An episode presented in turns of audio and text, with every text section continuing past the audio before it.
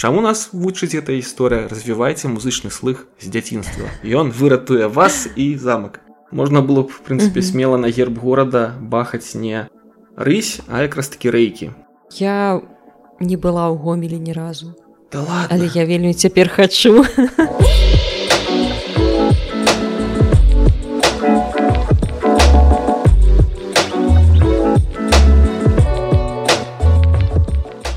Добры дзень шаноўна гаспадарства з вами зноў падкаст так слалася гістарычная і я дзягельганна Я рада вітаць сёння зноў Яўгена меркіса краязнаўцу актывіста журналіста з гомелю.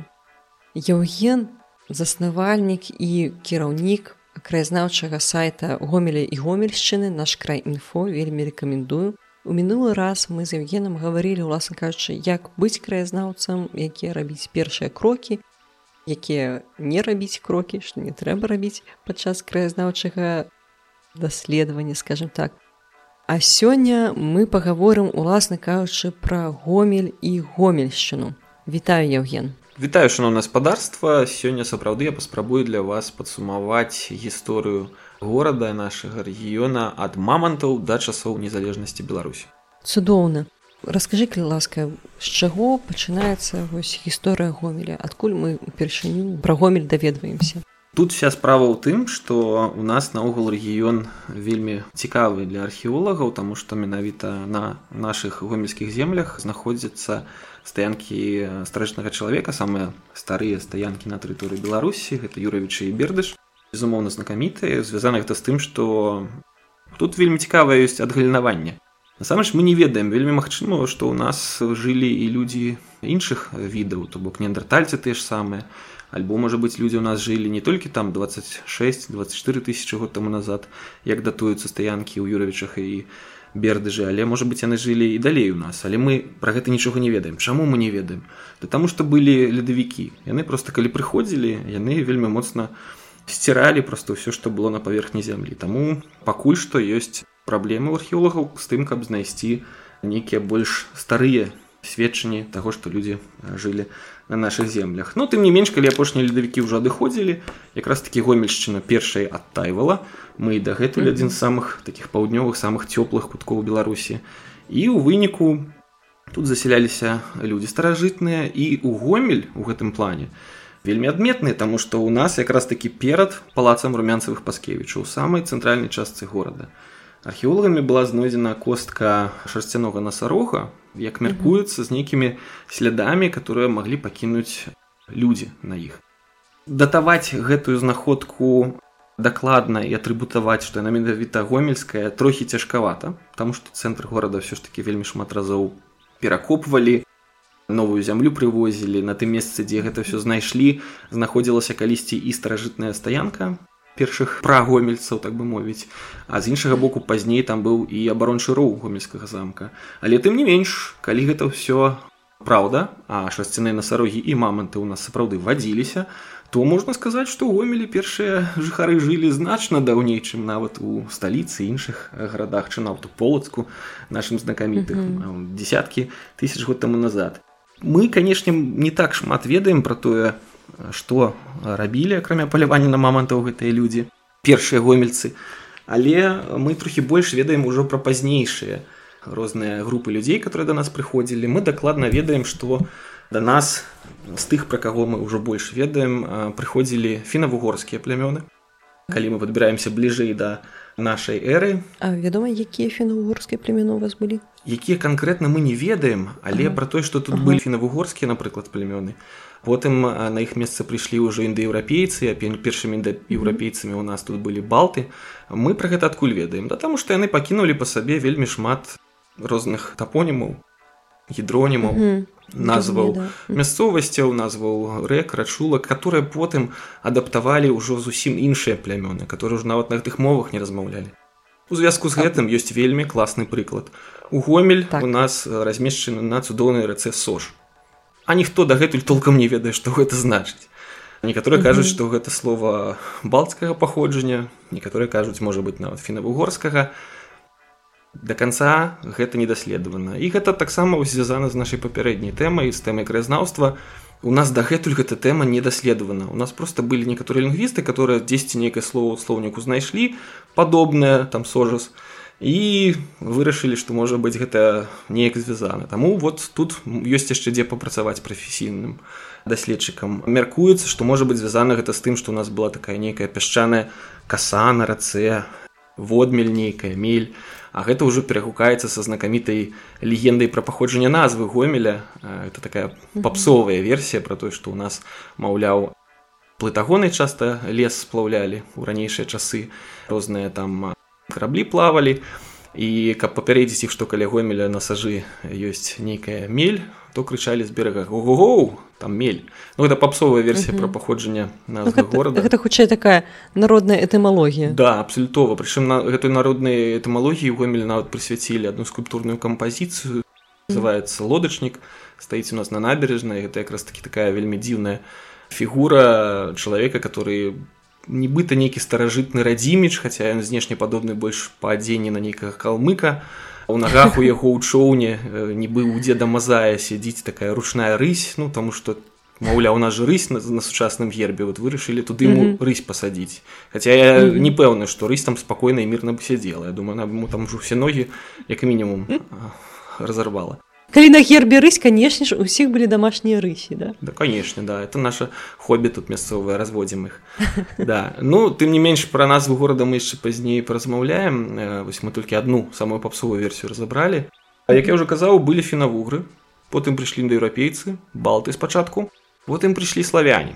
Славяне у нас часткова з балтамі асіміляваліся часткова некаторых з іх которые не хацелі падпарадкоўвацца альбо жаніцца прагналі так бы мовіць альбо попрасілі ласкава сысці з гэтых земляў і яны сышлі там уже на поўнач на паўночны захад і занялі тыя месцы дзе і зараз пражываюць. Што ў звязку са славянамі у нас тут вядома? Нам вядома што на тэрыторыі гомеля пражывала такое буйное славянскае племянное аб'яднанне которое называлася радзімічы. Па радзімічах ёсць афіцыйная легенда з аповесці старажытных часоў про тое што нібыта было два браты вятка і радзім. Прыйшлі яны з ляхаў захаду з польшчы ну як як тлумачу відаць на закупах былі.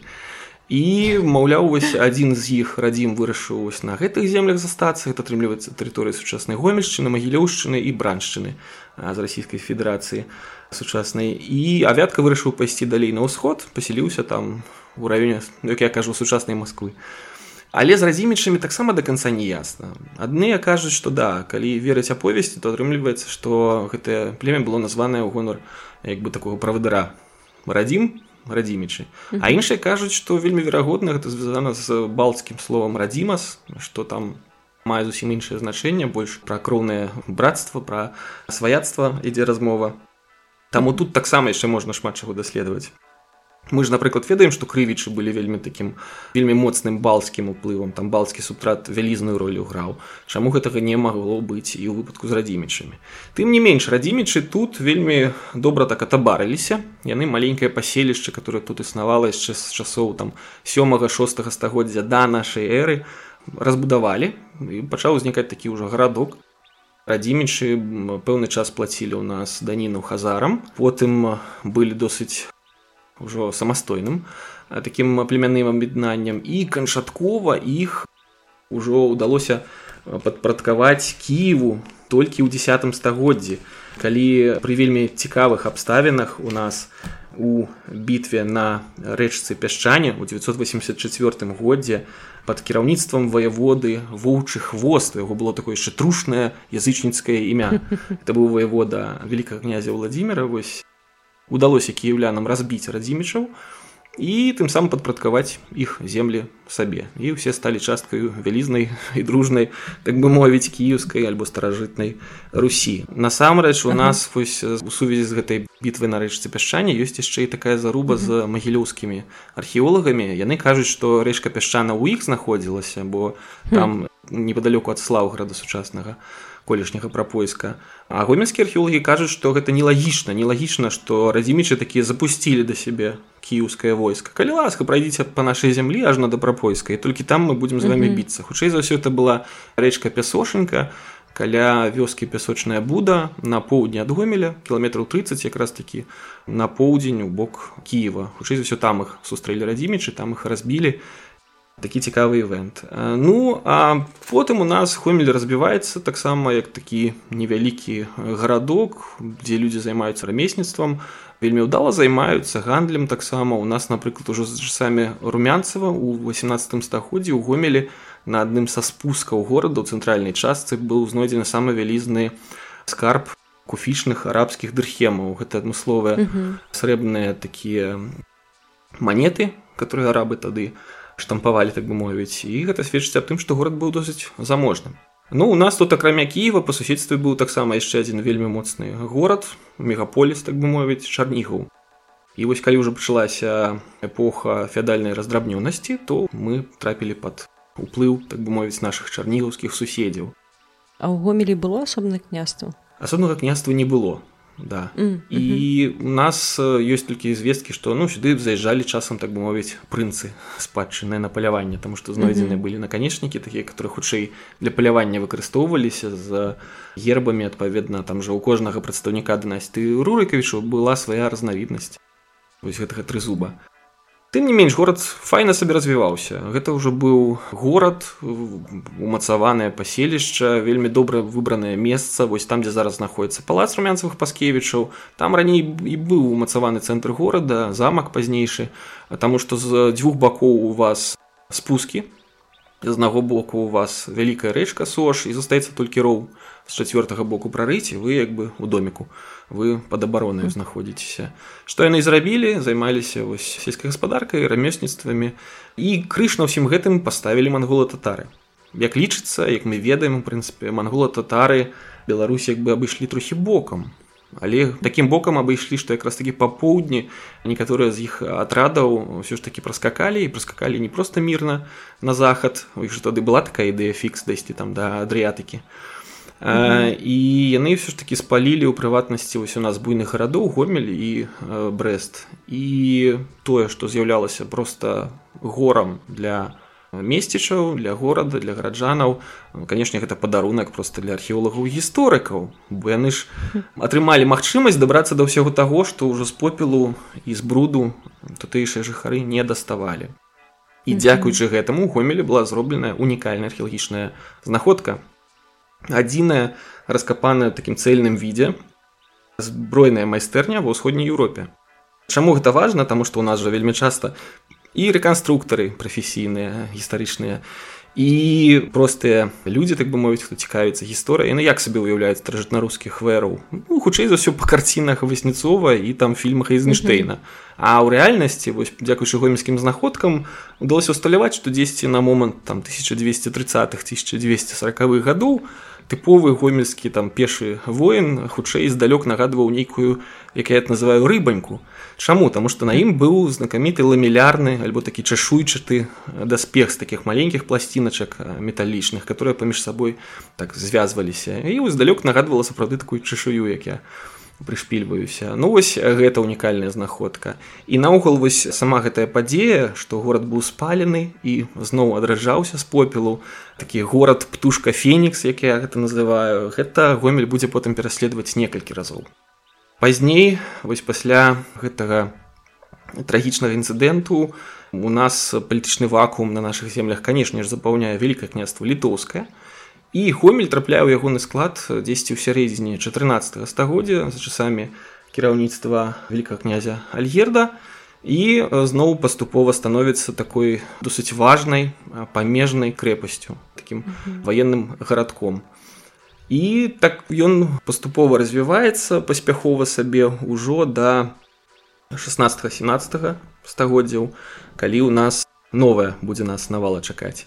Но пакуль мы дае дабяремся трэба можа быць паразмаўляць яшчэ все ж таки пра іншыя версіі назвы гомеля. Мы ўжо пагаварылі mm -hmm. пра такую папсовую а ёсць больш навуковая адна з іх звязана з тым што гомель атрымаў сваю назву ад мясцовай рачулкі малюсенькай которая ўся якраз каля замка працякала.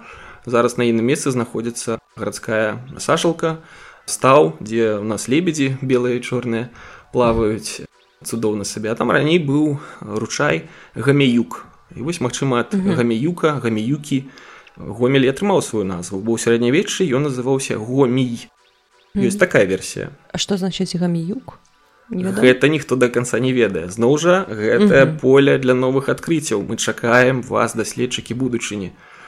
Працуйце над гэтай тэмай.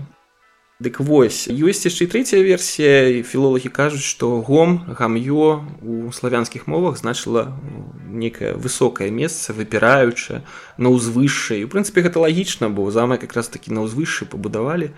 Таму вось такі у нас тры версіі ёсць Размаўляем таксама яшчэ адразу можа быць і пра гомельскі герб.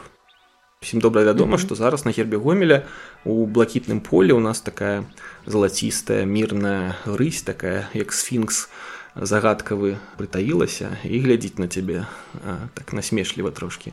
А ну гэта ўжо герб часоў расійскай імперыі. А першапачатковы герб, як мяркуюць гісторыкі, быў дадзены нам яшчэ ў 1560 годзе для месцічаў для іх гандлёвых і іншых гаспадарчых патрэбаў. І гэта быў такі срэбны альбо белы, як у геральдыцы гэта прынята інтэрпрэтаваць крыж на чырвоным альбо блакітным полі. Зноў жа такі гісторыкі, даследчыкі, мы вас чакаем. Дагэтуль невядома, ці гэта быў крыж на чырвоным полі альбо блакітным. Таму што ў той перыяд шмат якім гарадам давалі гербы і там быў блакітны фон. Але крыж у нас быў георгіўскі, а для гэтых крыжаў звычайнае характэрнае спалучэнне белага і чырвонага колера. І якраз такі гэтае спалучэнне зараз выкарыстоўваюць шмат у інтэрнэце. Я перакананы, што шмат хто ўжо сустракаў такі герб гомеля.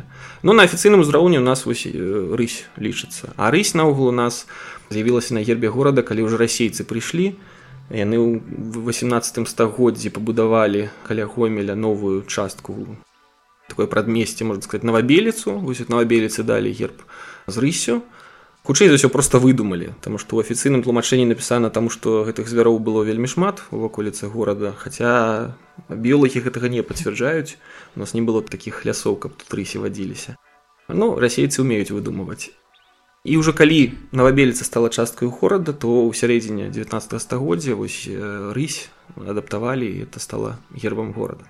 Вельмі цікава пра гербы, але давай ўсё ж такі вернемся да 16-17 стагоддзя. Гэта вельмі цікавы перыяд у гісторыі вялікага княства літоўскага нашай гісторыі. А што адбывалася ў гомелі ў гэты час? О у нас 16 стагоддзі у нас жа якраз такі люблінская унія адбылася да утварыліся рэч паспалітую ва ўкраіне пачалі мясцовыя казакі ўсё больш быць незадаволенымі тым што ім тут і каталіцтва насаджаюць іхныя землі адбіраюць на карысць нейкіх там паноў яшчэ і польскамоўныя так бы мовіць прыязджаюць і ў выніку гэта ўсё прывяло да шэрагу розных мясцовых паўстанняў антыфеадальных напрыканцы 16 стагоддзя можна прыгадаць верына налівайку і ў выніку ў 17 стагоддзі бум у нас 1648 год богдан хмельніцкі падымае сваё вызвольнае паўстанне і канешне ж вельмі шмат людзей так бы мовіць вельмі простых сялянаў тых же самых вельмі моцна падтрымлівалі казакоў Таму што яны былі такія бальшавікі 17 стагоддзя у некаторым сэнсе у іх былі вельмі простыя зразумелыя лузнікі забраць усё ў багаценькіх падзяліць і наогул прагнаць гэтых ляхаў клятых і вярнуць нашу родную праваслаўную веру тую ж самую. Таму нашыя мясцовыя рэгіёны таксама вельмі моцна паказачыліся у было моцнае супрацьстаянне гэта была грамадзянская вайна ў межах рэчы паспалітай. І канешне януш радзівіл вельмі моцна тут все таксама выпальваў вагнём і мячом на карысць вялікага княства літоўскага. Зараз некаторыя кажуць давайте вось у светлым і файным цудоўным гомелі будучыні паставім янушу радзівілу помнік. Но ну, насамрэч я лічу што гэта памылка таму што ну гэта грамадзянская вайна. Камон гэта як бы свае рэзалі сваіх як бы. І там былі зверствы тут былі зверствы. Но размова не пра гэта. Што для нас важна была вялізная колькасць аблога ў гомеля мне больш за ўсё падабаецца аблога 1651 года Таму што тады казакі ішлі на розныя хітрыкі, каб заваяваць гомельскі замак. Яны тут падышлі да горада, пачалі рыць шансы, каб падабрацца бліжэй да сценаў замка падабраліся ў тым ліку і да проразяў которые былі зроблены ў сценах каб з мушкетаў маглі адстрэльвацца абаронцы і нават выбівалі гэтыя мушкеты як толькі хтосьці высоўваў мушкет каб выстрэліць у ворага у казака то ў яго просто палкай выбівалі гэта з рук. Спрабавалі рознымі спосабамі штурмаваць. Імітавалі падыход саюзніцкіх войскаў. Маўляў нехта ідзе вас вызваляць. А рабілі это вельмі хітрым спосабам. Яны ведалі што ў гомельскім замку найміты заселі то бок ну великое княство літоўскае абаранялася не толькі мясцовым там нейкім паспалітым рушаннем мясцовымі феадаламі гараджанамі патрыётамі але і наймітамі. І была наёмная нямецкая пехота і вось пачалі казакі хітра так здалёк перад гомелем выбіваць нямецкі вайсковы марш і імітаваць падыход нейкія там сутычкі. Нібыта вот немцы ідуць свае найміты на дапамогу замку і гэта амаль спрацавала. І вот тут у нас на арэне з'яўляецца цудоўная фігура капітана шотландца Хьюман Гомеры менавіта ён камандаваў гомельскімі абаронцамі да ў 1651 годзе. Я калі пра даведаўся школьнікам мне дах просто знесла это ж крутыя гісторыі. Чаму? Таму што Хьюман Гомеры пачуў што штосьці там у такці не супадае. Калі абаронцы замка гомельскага ўжо кінуліся браму адкрываць ісці там на злучэнне з са сваімі родненькімі ён сказаў не не адчыняйце браму Чаму нас вучыць эта гісторыя? Развівайце музычны слых з дзяцінства. Ён выратуе вас і замак. Да, да. маладзец. Далей у нас канешне пасля гэтага разбуральнага стагоддзя у гомелі рознае адбывалася тут пэўны час нават розныя мясцовыя авантурысты былі розныя такія казачыя камандзіры і золотаренко і мурашка яны карысталіся слабасцю цэнтральнай улады і просто былі тут у на ўзроўні такой гомельской народной рэспублікі которая просто была лояльнай да вКл а так город конечно і напрыканцы 15 і пачатку 16 стагоддзя і вот в 17 годзе пераходзіў з руку руки вельмі шмат з вялікім княствам маскоўскім змагаліся і зразумела з казакамі. Но тым не менш город у нас ужо выйшаў неяк на 18 стагоддзе. Там у нас все большую ролю ў мясцовым рэгіёне грае канешне ж расійская імперія а яна не саромецца і не цураецца нічога. У нас у пэўны перыяд часу тут у вакольца гомеля пасяліліся тыя самыя стараверы которые беглі ад пераследу па рэлігійных прычынах з расійскай імперіі а талерантная рэч паспаліта іх у сябе прыняла. Дык вось расійская імперія карысталася слабасцю рэчы паспалітай і у два разы просто заводзіла на тэрыторыю гомельшчыны войскі і сваіх так бы мовіць забірала гвалтоўна і прымусова это называлася вось у нас было дзве выганкі старавераў напрыклад ну пра старавераў это асобная тэма як яны у нас тут паявіліся якую роль сыгралі ну тым не менш і як бы рэч паспалітай нягледзячы на ўсе спробы рэфармавацца у нас ужо аслабла і напрыканцы 18 стагоддзя у выніку першага падзела ў 1772 годзе мы сталі часткай расійскай імперіі у апошняга ўладальніка гомельскага замка магната так мовіць алігарха тых часоў у Михала Фредерыка Чартарыскага, між іншым, быў выбар. Ён мог альбо прысягнуць кацярыне другой вялікай на вернасць і тады б усе ўладанні засталіся у ягоных руках. Альбо мусіў тады пакінуць на працягу некалькіх месяцаў тэрыторыю расійскай імперіі. Ну ён быў патрыётам ВКЛ рэч паспаліта. Ён думаў, што мы яшчэ адыграемся і все это як бы кінуў. І ў выніку ўжо з дзяржаўнай казны, так бы мовіць, з дзяржаўных уладанняў гэта ўсё перайшло у рукі Румянцева Петра Алексеевича, который быў знакамітым военачальнікам расійскім ваяваў вельмі шмат з туркамі, атрымаў прыстаўку да свайго прозвішча задунайскі. Ён старажытны гомельскі замак зрыў, роў зарыў, а на ягоным месцы пачаў будаваць сабе палац у стылі класіцызма. модна тады так было рабіць. Ну ён уже быў старым чалавекам і шмат чаго не паспеў зрабіць. А вось ягоны сын Миколай Петрович, который быў дыпламатам, бліскуча адукаваным чалавекам, міністрам шляхоў зносін у расійскай імперыі быў англаманам за што за часамі александра першага у пэўны момант нават сваёй палітычнай кар'ерай паплаціўся калі великкабрытанія аб'явіла аб так бы мовіць эканамічным эмбарга блакадзе расійскай імперіі за мір з наполеоном гэта было яшчэ да вялікай вайны 1812 года. Но тым не менш і вось ён на старасці ўжо пачаў гомелем масава займацца ён разбудаваў гомельскі палац ён перапланаваў цэнтры горада менавіта тады гомель атрымаў вось гэту вельмі лаканічную новую структуру вуліц і замест старага хаатычнага горада сярэднявечнага стаў такім горадам часоў эпохі асветніцтва дзе ўсё прадпарадкоўвалася розуму все цэнтралізавана планавалася і у выпадку гомеля асноўныя вуліцы яны як бы такімі прамянямі расхадзіліся з цэнтральнай часткі дзе была рэзідэнцыя уладальніка горада галоўныя плошчы мікалай петрович румянцаў таксама у нас і для археолагаў шмат зрабіў і для даследчыкаў. Ён сабраў той же самы архіў старажытных грамат выдаў. Ён даваў грошы на археалагічныя розныя пошукі. У ягоная бібліятэка стала асновай расійскай дзяржаўнай бібліятэкі. Ён збіраў розныя прадметы зразумела был калекцыянерам і ў горадзе вялікую колькасць важных сацыяльных аб'ектаў паспеў пабудаваць. То бок ягоная роля сапраўды ў гомелі вельмі значная а ягоная талерантнасць і такая прасунутасць скажем так па сучасных мерках праявілася ў тым што ён напрыклад гомельскім прадстаўнікам асноўных канфесій дазволіў збудаваць тут каменныя сабе малітоўныя дамы то бок это не толькі петрапалаўскі сабор для праваслаўных у цэнтры горада у стылі класіцызма але таксама і касцёл для каталікоў і каменную сінагогу На жаль вось два апошнія будынкі не перажылі да нашага часу. Ну і вось горад паступова развіваўся але мікалай петрович не пакінуў па сабе нашчадкаў. Ўсё дасталося ягонаму брату. Той прадаў гэта ўсё дзяржаве тады была такая магчымасць. Калі ў цябе праблемы то дзяржава табе з яшчэ вялікім плюсам готова у цябе выкупіць усе твои там маёнткі землі заводы фабрыкі плантацыі.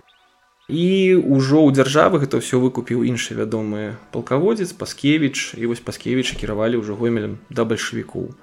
Па 19 стагоддзі і ў дзвюх словах калі яшчэ казаць мы ж так галопамі скотчам па гісторыі гомеля самае асноўнае ў нас звязана канешне з чыгункай можна было б в прынцыпе смела на герб горада бахаць не рысь а якраз такі рэйкі Таму што вот як толькі у нас лібава-роменскую чыгунку правялі ў 1871 годзе праз наш раён то ўсё горад пачаў вельмі хутка расці тут замкнуліся чыгуначныя вузлы і калі за часамі кастуся каліноўскага ягонага паўстання ў 1863 годзе ў гомелі жыло там каля 13 тысяч чалавек то праз 50 гадоў у 1913 тут уже амаль там 120 тысяч чалавек жыло то бок ну фантастычныя тэмпы урбанізацыі но гэта правяло таксама і да таго што ў нас не так шмат розных камяніц нейкіх цікавых каменных будынкаў. Бок яны пачалі з'яўляцца толькі напрыканцы 19 на пачатку два стагоддзя а там ужо ў нас і першая сусветная вайна і акупацыя нямецкая ў 18 годзе.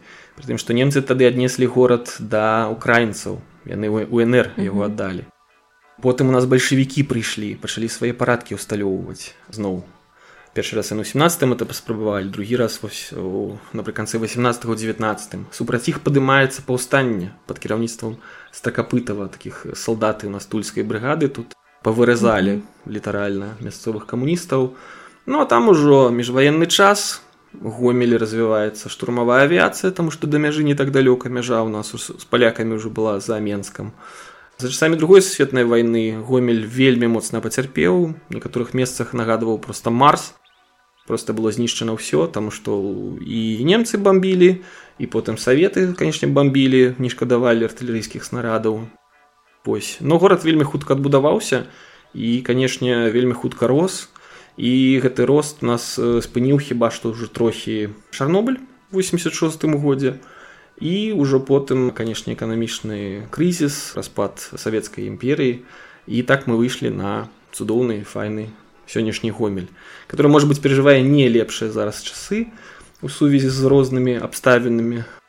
Але тым не менш я перакананы што яго чакае все яшчэ бліскучая будучня Я абсолютно з тобой згодна я ўпэўнена што гомель чакае бліскучая будучыня не трэба нават сумнявацца безумоўна скажи калі ласка вось ты так расказаў а якія яркія падзеі адбываліся падчас рэвалюцыі альбо вось пачатку два стагоддзя нешта адбывалася яркае у гомелі тому што калі там чыгунка была то пэўна было шмат рабочых.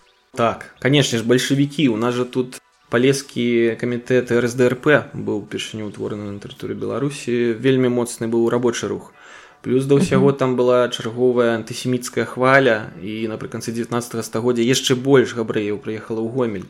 То бок тут яшчэ і этнічнае супрацьстаянне было.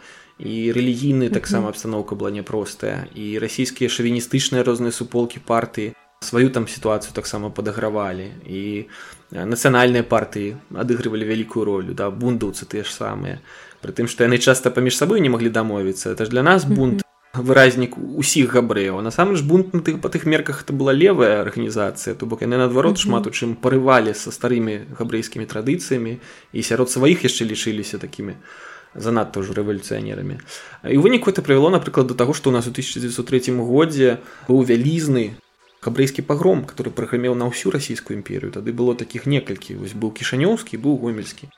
А і канешне это паслужыла стымулам для таго каб таксама шмат хто з габрэяў адсюль з'ехаў тым ліку і ў пошуках лепшага жыцця ў Амерыку тую ж самую. Дарэчы цікавы факт у гомелі быў гістарычны раён который называўся Амерыка. Як лічыцца менавіта па гэтай прычыне там то што там жыло шмат рознай галоты которая спрабавала новае жыццё ў новым свеце. а у нас потым як я казаў першая сусветная вайна.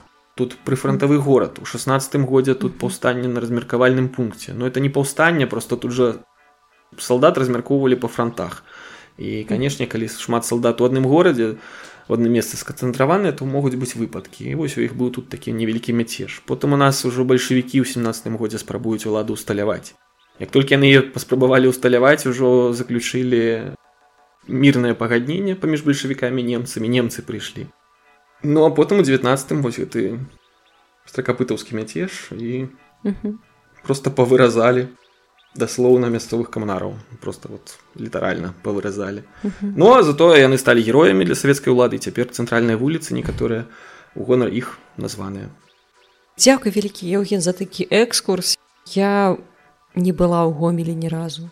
Да ладно. але я вельмі цяпер хачу трэба прыязджайце ў гомель выходзьце на сувязь паходзім паблукаем правяду экскурсіі да заходзьце калі ласка на сайт гомелю чытайце пра яго подписывайтесь на соцсеткі Еўгена ён таксама усякі цікавосткі выкладваю ў нстаграме у фейсбуку. Прыязджайце ўсе ў гомель абавязкова я вас заклікаю і сябе заклікаю першую чаргу прыехаць і цікаўцеся роднай мясцовай гісторыі так і будзе 100соткаў Дзякуй Еўген. Да новых сустрэч. Так. Вельмі удзячная табе за нашу размову. Светлай будучыні гомель. Дзякуй вялікія што паслухалі наш выпуск.